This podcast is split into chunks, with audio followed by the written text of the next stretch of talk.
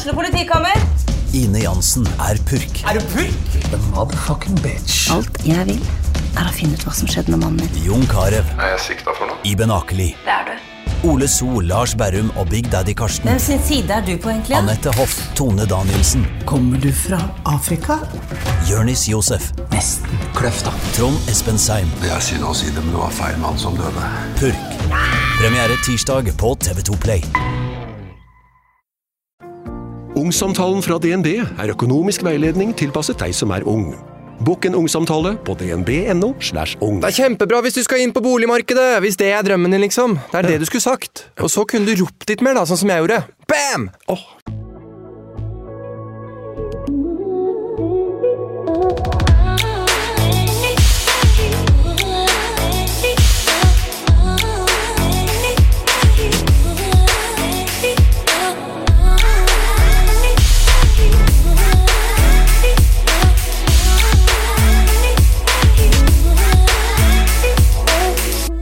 2011 kunne man se og høre om Marius Løken og to av barndomsvennene hans overalt i media.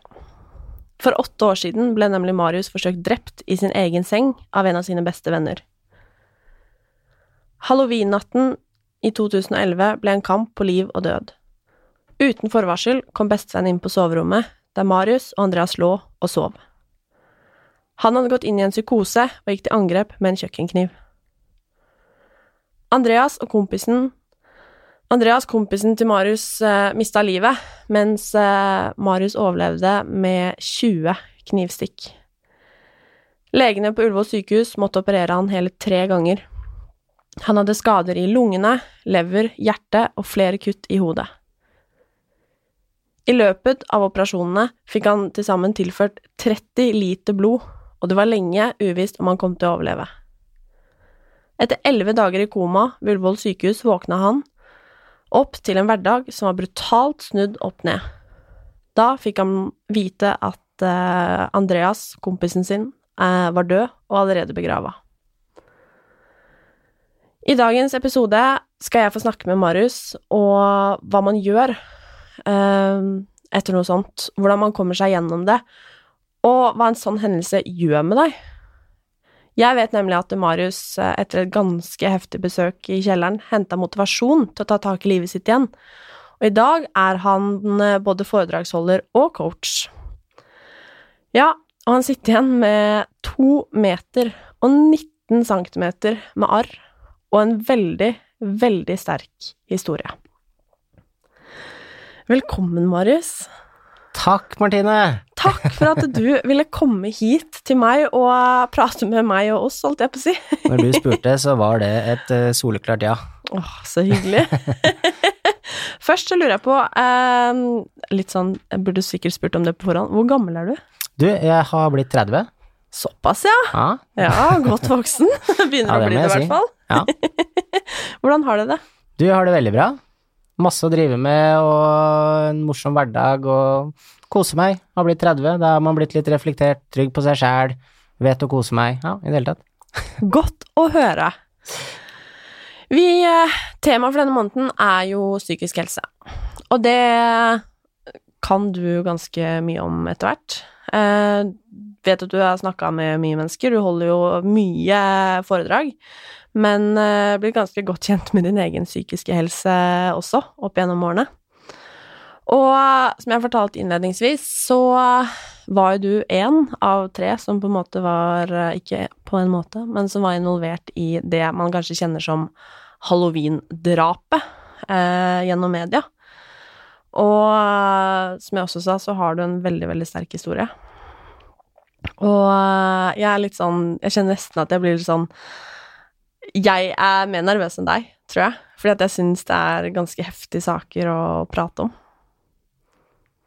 Altså Det jeg eh, ofte glemmer litt, da, det er jo at jeg er så vant til å fortelle om historien min, jeg er så vant til hva som skjedde, så jeg lever jo av å prate om det.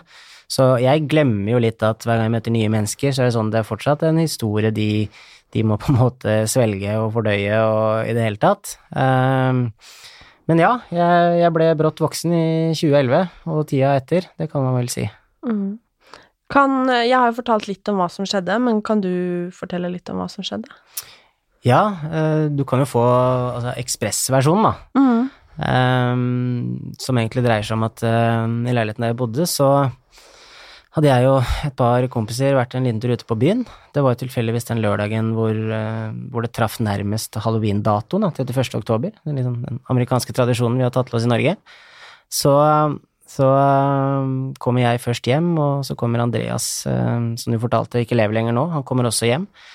Eller han kommer til leiligheten der hvor jeg bodde, skulle hente verdisagene sine, men uh, legger seg litt nedpå på senga på soverommet mitt, en sånn stor, digg seng. Uh, og da har den ene samboeren min gått i psykose, en barndomskompis. Han er borte vekk og har med seg en kjøkkenkniv inn på soverommet, og da, da oppstår det veldig stygge scener. Det blir en uh, virkelig kamp på, på liv og død. Det ender med at jeg kommer av gårde i en eh, drosje, så videre til ambulanse, så opp på Ullevål og blir lagt på operasjonsbordet, og Andreas eh, kommer seg aldri ut fra leiligheten og, og, og dør på stue, stuegulvet. Um, det var jo ekspressversjonen, og så våkner jeg opp da ja, på intensiven på, på Ullevål og vet ikke helt bak og fram på meg selv Får da nyheten om Andreas, øh, skjønner at media har døpt øh, hendelsen til halloween-drapet. Altså, det har jo allerede blitt valgt en tittel på det når jeg våkner. Skjønner at det har vært egentlig overalt i landets aviser, de fleste har fått det med seg. Veldig mange har jo en mening om det. Jeg føler på en måte at ja, jeg og den barnslige vennegjengen min fra Hallingdal, da, som liksom omkranser Hemsedal, Geilo, Gol, Nesbyen, Flå og Ål, um, har blitt rikskjendiser.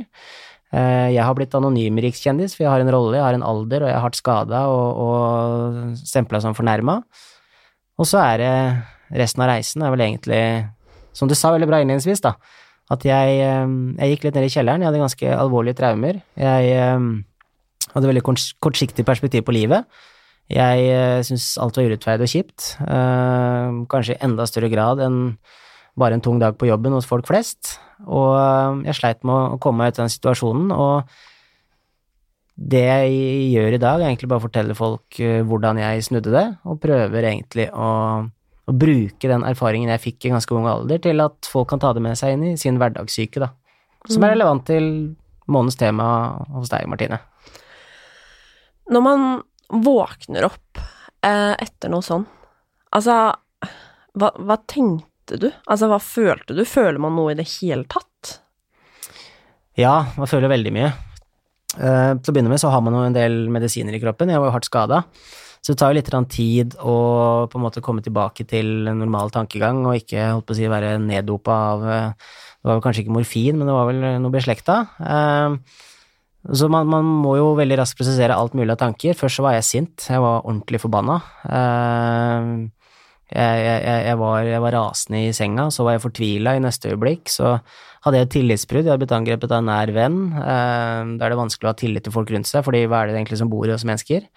Jeg, var jo kobla til maskiner, så jeg var jo fullstendig avhengig av altså mekanismene på Ullevål, sykepleiere, eh, ikke minst så var jeg tilkobla en eh, respirator, eller pustemaskin, da, på litt sånn jovial norsk. Um, kanskje det største issuet mitt er jo at jeg er en skravlebøtte uten like, så når du tar fra meg den egenskapen i tre-fire dager, så er det klart at da har jeg mye på hjertet òg, så det var jo også, det var også en sånn ekstrem opplevelse av å ikke kunne fortelle folk hva jeg tenkte og følte. Det var ganske, det var ganske grusomt der og da.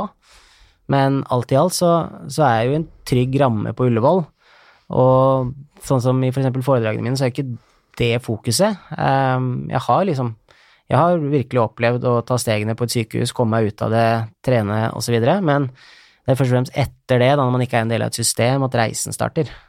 Mm. Men du fikk jo 20 knivstikk. Det er ganske mye. Ja. Hvordan eh, Kanskje et dumt spørsmål, men hvordan overlevde du det? Det er ikke noe tvil om at um, hvis vi oppsummerer, så drosjesjåføren som um, tok meg imot, eller som um, dura av gårde uh, og brukte en vanvittig kort hastighet fra, fra Bislett og ned til legevakta i Hausmanns gate, det er jo første ledd. Andre ledd er jo ambulanseteamet som klarte å gjøre forberedende ting før jeg skulle på operasjonsbordet. Jeg hadde mista ganske mye blod, eh, spesielt i trappesatsen utafor leilighetsdøra, på soverommet, i gangen, egentlig hele veien på vei ut av bygården, og det sammen med en real porsjon flaks, og jeg tror jo også det at eh, det var en fordel at jeg var i, jeg var i god fysisk form. Hadde vært fotballspiller store deler av, av oppveksten. Eh, var generelt veldig aktiv. Hadde treningssenteret rett ved siden av. Det er jo også ting som har spilt inn her, sammen med at det var Altså, jeg har vært heldig fordi jeg har vært i nærheten av et så bra sykehus. Så, så, så, jeg hadde faktisk flaks at dette her det skjedde i Oslo, hvor man faktisk har erfaring. Ullevål er helt rå på det de skal gjøre, eh, hvor det var liksom mye samhandling og i det hele tatt. Så selvfølgelig, det, det er rart, og jeg har vært veldig heldig med de fleste stikka mine. Det er også en, en viktig indikator at altså, de har et, et, stikk i hjertet, eksempel, men det har truffet det gamle hjertekammeret, ikke det nye. Man har jo fire forskjellige kammer i hjertet, så det er liksom det er mye tilfeldigheter og mye flaks, sammen med hva skal jeg si, eh, god form og ja, igjen, det blir flaks, da. Enda en gang nevner flaks, for det er mye flaks her. Det er det. altså, hvordan Hva skal man si Når du For du nevnte jo traumer, at du fikk traumer. Hvor, hva gikk det ut på? Jeg tror uh, det verste med meg var uh, traumer som overlappa hverandre. Um, hvis man snakker med liksom, fagpersoner, psykologer og psykiatere og sånn, så kan de ramse opp forskjellige punkter som er isolert sett uh, alvorlige traumer.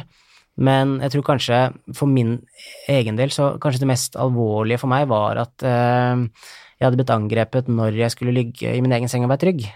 Så det var ikke lenger trygt for meg å sove, og det, det nytter ikke at uh, hjernen forteller kroppen at nå må du sove, for du trenger søvn hvis kroppen ikke vil falle til ro. Det er litt sånn å kjenne på den følelsen en varm sommernatt, og bare ja, men nå skal jeg på jobb om fem timer, nå må jeg sove, liksom, det der går ikke i morgen, altså skal jeg døgne, kommer jeg til å våkne av den klokka i det hele tatt? Altså, det, det, det er litt sånn den situasjonen, men samtidig så, så, hadde jeg opplevd vold i det man egentlig vil kalle en nær relasjon. Um, la oss si for eksempel noen som har opplevd vold i tjeneste, da, enten de er i politiyrket eller i Forsvaret, for eksempel de kan i hvert fall sette på en knagg at de har gjort det i tjeneste, de har gjort det for fedrelandet, eller de har gjort det på jobb. Eh, hos meg så er det mer sånn familievold som er knaggen, og så går det på å ha vært i en overhengende livsfare, det er jo ett parameter, og så er det et parameter som sier hvor lenge har du vært i overhengende livsfare. Har du vært i uh, Akademisk korrekt så sier man man har vært i overhengende livsfare i en ikke ubetydelig tid. Det betyr at det var ikke noe som bare skjedde med et knips, og så var det over. Så alle disse tingene her gjør at det blir en sånn kake av mye traumer som bare, sammen med en uh, fullstendig uerfaren uh, 22-åring som jeg da var på det tidspunktet jeg skulle ta tak i meg sjæl, og syntes livet var urettferdig, gråt, savna Andreas. Altså, jeg bevitna jo en nær relasjon gå bort på en ganske brutal måte. Så det er sånn Alt dette gjorde det veldig komplisert, og det var nok noe av grunnen til hvorfor jeg måtte så langt ned i kjelleren og hvorfor det, det satt så langt inne før jeg liksom klarte å begynne å se på at ja, men søren, du må ta tak i livet ditt, du kan ikke holde på å sitte og spille Fifa til du blir gammel, liksom, sånn fotballspill, så ja. Hva tenkte du noen gang at eh, du var på en måte lei deg for at du overlevde? Fordi at det var så tøft? Ja, eller jeg tror jeg kjente nok mye mer på en skyldfølelse, fordi siden Andreas ikke klarte seg, og, og, jeg sto igjen eh, på en måte med livet i behold, så, så, så, så, kommer det noe mer enn dårlig samvittighet i den forbindelse. At man tenker liksom men hvorfor overlevde ikke Andreas, hvorfor overlevde bare jeg? Og så har man litt dårlig samvittighet overfor da alle hans sine pårørende, og, og, så begynner man liksom å tenke bare men altså, det her er jo, det her er jo bare kjipt, og så er man fram og tilbake og tenker kan man, kan man gjøre noe mer? Jeg tenkte hele tiden kunne jeg gjort noe annerledes. Jeg møtte jo Lars Weiseth, en professor i psykiatri. Han var veldig flink til å liksom gå gjennom bare hva jeg gjorde. Ok, jeg turte å gå til angrep på barndomskompisen min eh, når Andreas trengte hjelp. Eh, handlingsmønsteret mitt eh, tilsier at jeg hadde et bra instinkt. Jeg, jeg, valgte ikke å prøve å overleve selv før jeg visste at jeg, jeg må prøve å overleve, for det var så kritisk. Så det var en prosess der, og når du sitter igjen, ikke sant, og du vet at altså Andreas skulle bli far, det er jo virkelig eh, virkelig den eh, sure karamellen på toppen av alt. Det er bare sånn, ok, det kommer en liten datter på vei. Eh, Line som er enestående og, og, har fått lille Natalie nå i ettertid. Det er bare så Alle disse tingene gjør det veldig komplisert, og, og igjen, jeg hadde, jo, jeg hadde jo ikke noen som hadde tråkka på veien før meg.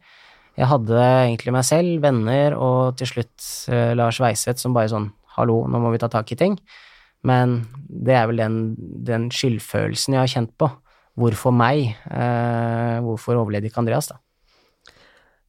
Vet at det kanskje ikke er ditt, eh, ditt eh, felt, holdt jeg på å si, men hadde du noen gang forestilt deg at denne kompisen din kunne gå inn i en psykose? Bare skjedde det, liksom? Nei, overhodet ikke. Um, og det er et sånt spørsmål jeg husker alt mulig av, journalister, eh, fagfolk, de første foredragene mine. Folk var veldig interessert i å liksom, finne ut er det noen symptomer, er det noe man kan legge merke til.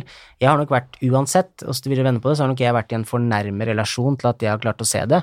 Så svaret mitt på det, for eksempel, det, det er vel egentlig alltid at nei, jeg hadde ikke klart å se det. Jeg hadde aldri selvfølgelig forestilt meg at noe sånt kunne skje.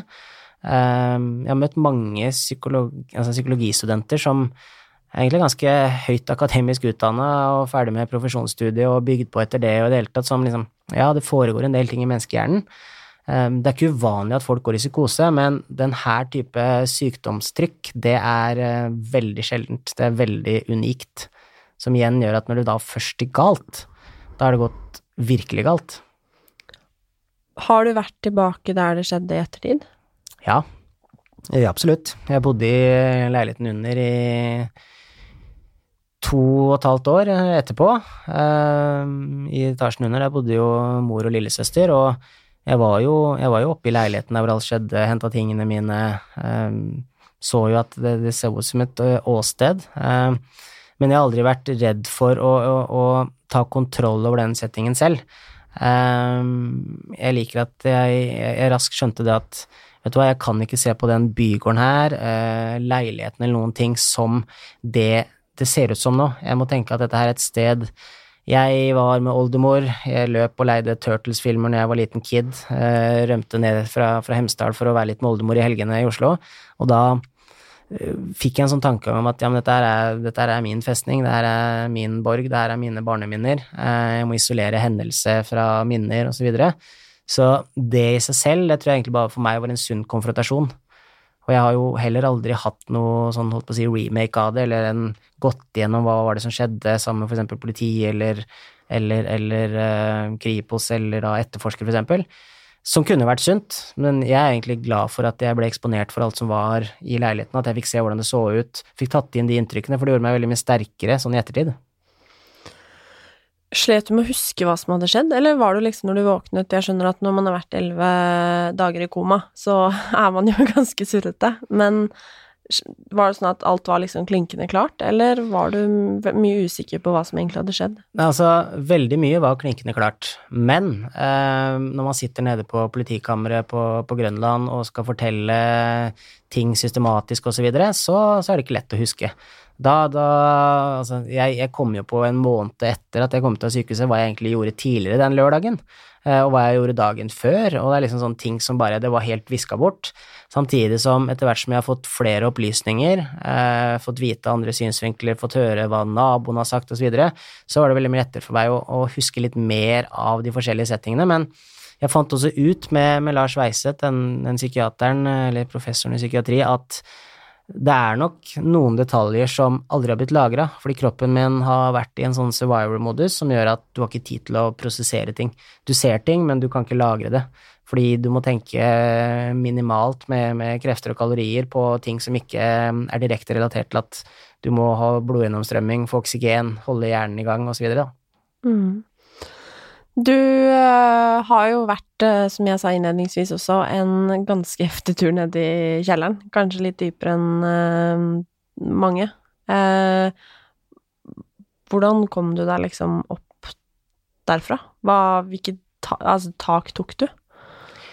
Altså, jeg er veldig glad i en metafor, og den bruker jeg veldig mye rundt på, på alle besøkene jeg gjør, og det er man har jo en kjeller av en grunn. Hvorfor har du en kjeller hvis ikke du skal besøke den? Så da kan vi slå fast at de fleste har jo egentlig gått av en liten tur ned i kjelleren. Det er metaforen. Uh, men jeg tror også jeg måtte, jeg måtte, være lenge nok der nede, eller jeg måtte være lenge nok i en prosess som gjorde at uh, jeg måtte suge litt på den karamellen. Jeg, jeg, måtte få lov til å sutre litt. Eh, Jeg er veldig glad for at en del sentrale personer begynte å ta bort de putene under arma på meg og si, tuppe meg litt i ræva når jeg trengte det. For det var litt sånn, Marius, nå må du, nå må du faktisk skjerpe deg her. Det her går ikke.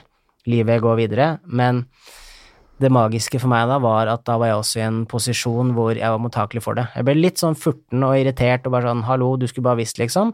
Men bare man, bare man får tygd litt på den eh, selvmedlidenheten, så var det sånn jeg hadde vært nede i det dragsuget lenge nok som gjorde at når jeg da bestemte meg for at dette her, det må vi snu, da, da var jeg like overbevist som folk rundt meg, og da handla det egentlig bare om å finne de, de første stega, hvordan, hvordan knekker man den koden her. Hvordan gjorde du det? Ja, det er det her som er litt fascinerende, da, og det her er grunnlaget i foredragene mine, det er jo at eh, når ting er litt kjipt, når det er litt mye, så er kroppen vår, dette her er jo nedarva gjennom 6000 generasjoner, eller hva det er for noe, i ryggmargen. Vi mennesker, vi, vi har øh, overlevd så mye tidligere, er, vi kan dra det langt, liksom, det, men det er alltid fra hva skal jeg si, huleboertida til pest og krig og hungersnøder og i det hele tatt. Eh, Men en nøkkelfaktor for oss, det er å bevege oss. Eh, Hjernen vår trenger å lufte seg, kroppen vår trenger å frigjøre endorfiner. Så for min del så, så måtte jeg love mm, Lars Weise den ting, og det var å prøve å finne tilbake til en treningsrutine. Eh, Andreas var jo treningspartneren min på det tidspunktet han gikk- bort, og det gjorde at jeg ble jo først litt dårlig av å gå inn på treningssenter. Jeg var jo 11 kilo mindre. Eh, Jeg har aldri sett ut som noen bodybuilder, men når du har mista det lille du har Jeg husker til og med jeg så på bena mine bare altså, Per dags dato så har jeg litt de der gymlærerleggene etter at man bare man har sparka ofte på en kule i oppveksten, og da, da blir det en legg, men den var borte, den òg. Så det var bare sånn Hvor starter vi hen nå? Og da flytter jeg inn på De fleste av vennene mine var på Sats, så jeg flytter inn på Sats. Det jeg mener med det, er at jeg er der fem-seks ganger i uka. Da er det noe som skjer som eh, må skje, og det er muskelhukommelse. Kroppen husker at den har vært på et nivå. Jeg hadde en ganske alvorlig skade. Eh, to av tre nervevirvler i høyre arm var kutta over. Så høyrearmen var jo veldig utsatt. Den er jo fortsatt utsatt, men jeg har fått veldig mye støttemuskulatur den dag i dag. Men da det handler om at jeg begynner å se en framgang fysisk når jeg ikke så det psykisk. Jeg liksom begynte å få litt skulderpartiet fram igjen, eh, og og, og fikk liksom litt mer form på kroppen, da, ting som var veldig ålreit å se der og da. at Liksom, å, jeg begynner å ligne litt meg selv. Det som skjer da, er at arrene mine de strekker seg jo. Istedenfor å være sånne rosa klumper, så liksom blir de dratt litt. og jeg måtte bare stå i speilet og si fuck janteloven. Eh, har jeg fått en millimeter større biceps? Eh, er en magemuskel til på vei et sted her inne? Eh, ja, og når du Jeg vet ikke med, med folk flest. Jeg er i hvert fall veldig overbevist om at hvis jeg bruker en time og halvannen på et ellers kjedelig treningsstudio midt i Oslo i rushtida, så drakk jeg hjem og spiser en kilo sjokoladekake. Jeg prøver å tenke ok, hva er det som kan hjelpe til på den fronten nå, da? Det var ikke noe sånn kylling, laks og ris hver dag-opplegg, men jeg begynte i hvert fall å tenke litt over det. Så jeg får på plass litt ernæring, får i meg litt mer ting som er bra for kroppen, eh, og ikke minst, jeg var mer sliten når kvelden kom. Så det at jeg da gjør en fysisk anstrengelse gjennom dagen, eh, jeg blir trøtt, så jeg får på plass litt mer søvn, og da ernæring i tillegg, det er sånn, du, da, da føler du egentlig at eh, du har oppdaga noe som er så elementært, men vi glemmer det litt, da. De tre tingene, de måtte på plass, fordi da hadde jeg energi og refleksjoner og overskudd til å begynne å jobbe med psyken. Da var det lettere å ta tak i det, jeg måtte ta tak i det fysiske først, få hjula i gang, og da var det lettere for meg å etablere noen rutiner, for eksempel. Rutiner har vært magisk for meg fordi jeg har trengt noen rutiner på hvem jeg er. Når folk tenker rutiner, så tenker de kanskje ah, um, levere oppgaven så du har fri, eh, levere leksene så du kan dra ut og leke, eh, sette på kaffen, eh, gå tur med Fido, kjøre i barnehagen. For meg er liksom rutiner, det definerer hvem jeg er. Jeg er sosial, det er en rutine. Det blir jeg lykkelig av. Hyttetur med, med venner, det er en rutine jeg blir lykkelig av. Bare det å se en gammel klassisk film på TV som jeg alltid har sett på, det blir jeg lykkelig av. Så det er jo det jeg mener med rutiner. Og så kommer det til at jeg begynte å skjønne at, vet du hva, jeg har tatt vare på venner før jeg ble skada, nå har de tatt vare på meg, nå må jeg begynne å ta vare på de igjen for å begynne å betale tilbake alt det de har gitt til meg, da, av tid og kjærlighet og så videre. Så det, det var nøkkelen. Uh, få på plass uh, fysisk helse for å redde den psykiske. Få på plass litt rutiner som gjorde meg lykkelig og definerte at dette er meg, dette har jeg alltid gjort. Og fortsette å, å prøve å ta vare på å være en god venn, da. Du har jo, eh, hva var det du sa, 2 meter og 19 centimeter med arr. Og eh, jeg eh, sitter jo og ser på deg nå, noen av arrene ser jeg jo her jeg sitter òg. Og jeg tenker litt på, eh, apropos dette med kropp, eh, at veldig mange har jo komplekser for liksom strekkmerker, litt mye der, litt rart her, alle disse tingene. Har du noen gang hatt komplekser for eh, alle merkene du har fått på kroppen din? Absolutt. Um, jeg tror det, det, største og verste komplekset, det er å ikke kjenne igjen seg selv. Um, ja, man, jeg tror de fleste har tenkt over ja, hva kunne kanskje vært annerledes, hva er bra med min kropp, hva er dårlig med min kropp, altså såpass mye kroppspress og prat er det, så man kommer ikke unna det, enten man har et sunt forhold eller uh, et litt mer ubalansert forhold, så tror jeg alle er nok innom det, og det å stå igjen uh, foran et speil, mangler 11 kilo, har masse rosa arr, de er klumpete, ubehagelig å ligge på, ikke sant, jeg er en magesover, eh, det gikk ikke. Eh, kombinert med at eh, ja, nå har jeg jo tatt hår i frivillig, men nå har jeg blitt 30 og det er litt tynnere bak, liksom, så nå får det bare gå, men på den tida så var det sånn Partysvenskesveisen var borte, det var en knekk i selvtilliten, arra var synlige, jeg så ut som et offer, det var den jeg følte det, så det jeg så selv, det var et offer. Så det var en mental prosess som måtte gjøres der, og den er ikke gjort over natta. Men eh, for meg så var det veldig sunt at når jeg begynte å merke at treningen var der, så fikk jeg et sunnere forhold til min egen kropp. Rett og slett fordi om jeg ikke fikk eh, den og den muskelen så mye større eller noe, så var det ikke det det handla om. Det handla om at jeg hadde gjort en innsats, jeg hadde vært eh, funksjonell med kroppen min, og det ga meg en selvtillit. Og etter hvert som den mentale prosessen kom etter, så begynte jeg å tenke at vet du hva, jeg er ikke et offer lenger. Ehm, jeg kom til et nivå hvor jeg følte at nå har du klart å snu det, Marius, nå har du klart å gjøre noe bra ut av det. Ehm, det henger sammen med at arrene nå, det er din historie. Det er din eh, merking over at du har opplevd noe kjipt, og det handla bare om å få det på avstand. Sånn at når jeg så det i et perspektiv av at ja, eh, det var der jeg var, jeg kommer til å ha med meg arrene resten av livet, men de er jeg stolt av nå. Så det er en ganske radikal forandring fra å føle seg som et offer, de er stygge, eh, hvordan skal dette her gå, eh, jeg er ikke akkurat en reklameplakat, eh, til at jeg bare nei, nei, drit i det, jeg er barskere enn de fleste andre på stranda, jeg trenger ikke ha store biceps og store pupper i det hele tatt, jeg har historien min, og den bærer jeg med stolthet, da. Så det er en ganske lang prosess der, men jeg føler, jeg føler um, veldig ofte med folk, for jeg vet at det her er sårt, og de fleste er innom et eller annet, enten det er at de tryner på et svaberg, eller at de har en operasjon som er nødvendig, eller kjenner noen som kjenner på det. Det er på samme måte som at de fleste har en eller annen relasjon til noen som har vært i en ulykke, eller altså, den fæleste sykdommen ever, kreft. Så, så får man arr, og det er et issue, og jeg vil vel også si at for min del, så jeg har sett på det som en fordel at jeg er gutt. Dessverre. Fordi da er det macho-preget som man kan få av arr, det er litt lettere. Så, så en lang prosess. Eh, men det viktigste er vel egentlig hva man sier til seg selv, og hvordan man angriper situasjonen. Hvordan eh, Eller hva skal man si, har du mye senskader, er det man kaller det? Hvordan preger det deg i hverdagen? Og hvordan har liksom den eh, veien vært? Ja, altså jeg har jo veldig mange venner som driver veldig mye med altså, fitness, bodybuilding, crossfit, for eksempel. Uh, og det er jo med noen av mine aller beste venner også, som driver med det, som gjør at jeg har det veldig tett på. Det betyr at om jeg uh, har den samme treningsintensiteten, om jeg hadde bare blitt med de på hver eneste trening, så ville jeg aldri klart å ha den samme progresjonen. Uh, kjernemuskulaturen på min høyre arm og skulder, den er fortsatt ikke ordentlig aktivert.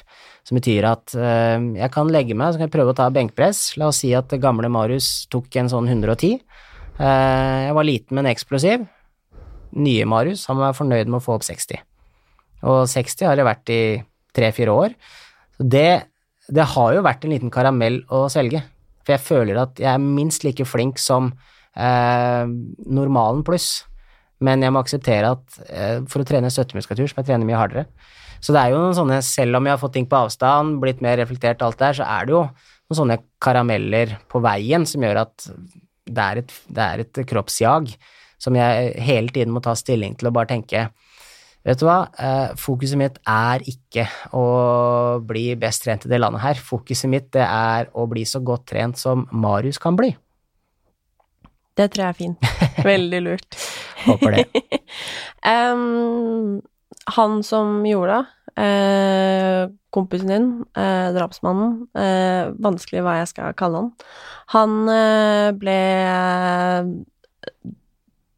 hva, hva kaller man det? Dømt til psykisk Altså, han Tvunget psykisk helsevern. Ja, takk. Og han er eh, eh, Har ikke sittet i fengsel. Han har, han har sittet i fengsel i påvente av rettssaken. Der var det litt Mm. sånn frem og tilbake. Eh, psykiatrisk, eh, så innom fengsel og så videre. Eh, men der ble det jo tvunget psykisk helsevern, oppfølging. Holdt på å si, han er jo ikke, han er jo ikke satt bak fire vegger. Han har jo litt mer, litt mer frihet til å bevege seg og, og være ute i samfunnet enn som så. Eh, men det var jo, det var jo en ganske på den tiden så var det en radikal eh, utvei, med tanke på at eh, vi vet så lite om psykoser, vi vet så lite om tilregnelighet, utilregnelighet. Eh, lille, søte Norge har så vidt starta på en prøve seg fram-strategi der, som gjorde at for den vanlige mann i gata, så er det jo Det kan virke litt merkelig, da, at man ikke må, må ta sin straff, og det, det var et stort issue i den saken her. Syns du at det var dumt? Altså, mitt eh, Mitt ønske er jo egentlig at han skal kunne fungere best mulig i den konteksten han er i.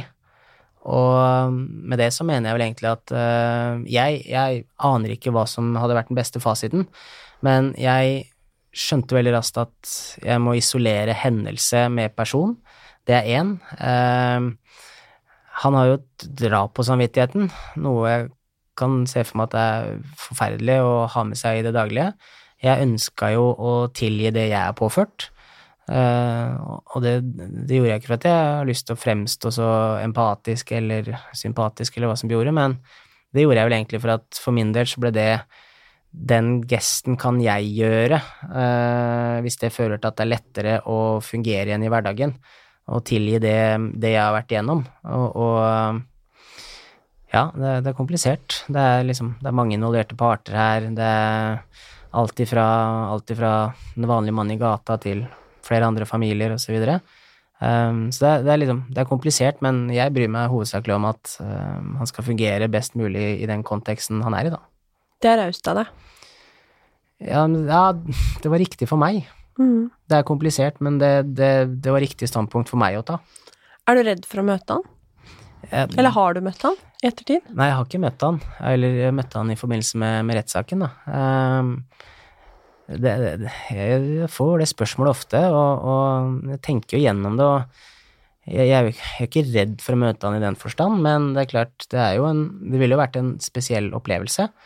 Um, så er det liksom Blir man noen gang klar for det? Blir man noen gang ikke klar for det? Jeg, så det er litt vanskelig. Så det er sånn jeg stoler på at jeg har et eh, sunt instinkt som vil hjelpe meg hvis en sånn situasjon skjer, da.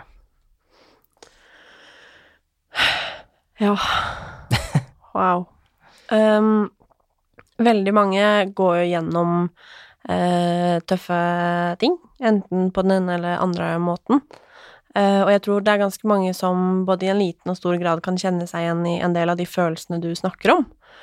Og jeg lurer på om du på en måte har noen eh, knagger eller noen tips eller triks til hvordan man på en måte kan tråkke ut av den grøfta man kanskje har skikkelig tryna i, liksom, for å faktisk komme seg videre etter man har opplevd noe som er eh, vanskelig, da.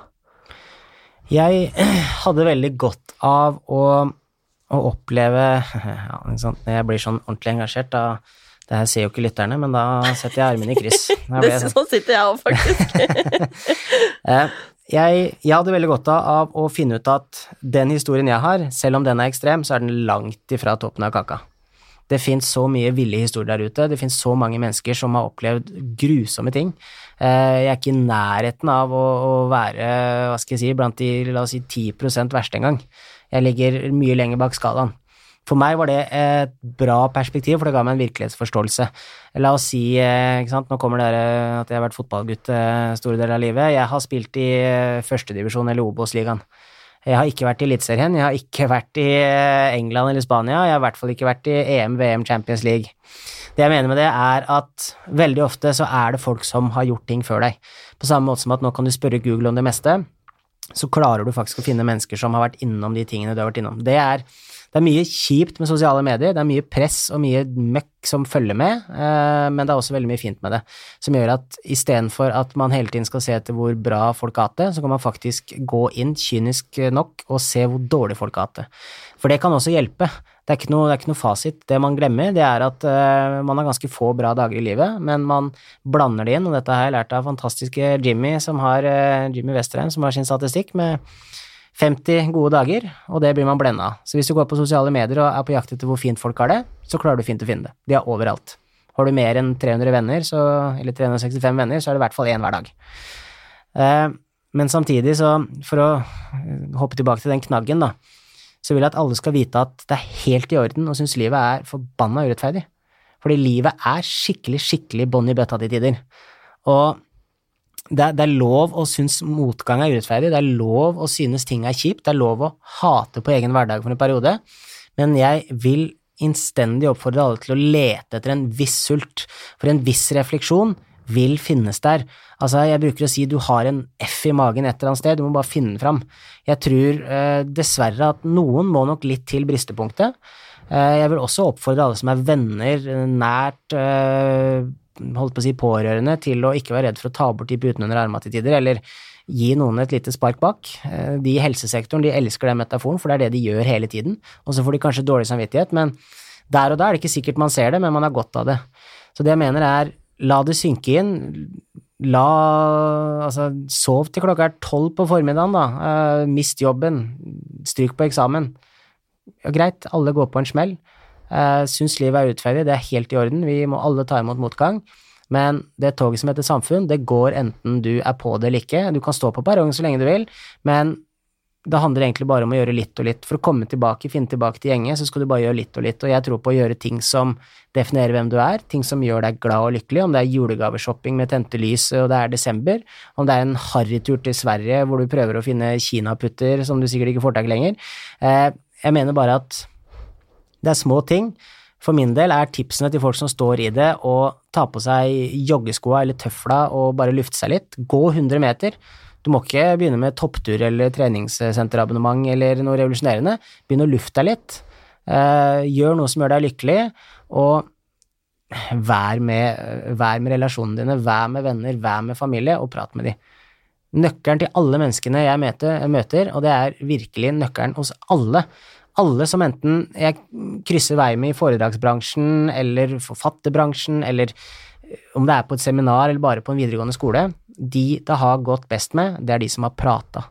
Som ikke har vært redd for å prate, og det er helt greit å fortelle venninna di at ting er dritt, og er du venninna som må høre på at venninna di har det dritt, så er det den jobben du skal gjøre. Vi mennesker er flokkdyr, ikke noe vits at vi tar problemene aleine, du må like mye tørre å ta og høre på en kjip samtale fra en venn som trenger det, som du kommer til å trenge det selv hvis du må tømme deg. Det ble et langt svar. Nå begynte jeg nesten å grine. Herregud. Uh, wow. Jeg tror du har skikkelig, skikkelig, skikkelig rett. Det traff meg midt i magen. tusen, tusen, tusen, tusen takk for at uh, du deler din historie for at du bruker stemmen din, eh, for at du er en av de skikkelig tøffe gutta som faktisk tør å gjøre det, og for at du gjør en forskjell for meg og for eh, Ganske sikker på at du har gjort en forskjell for alle som har hørt på. Takk for det. Tusen takk for at jeg fikk lov til å være her. Det var veldig hyggelig, veldig lærerikt og ja, rett og slett veldig bra. Tusen, tusen takk. Takk for meg. Woo!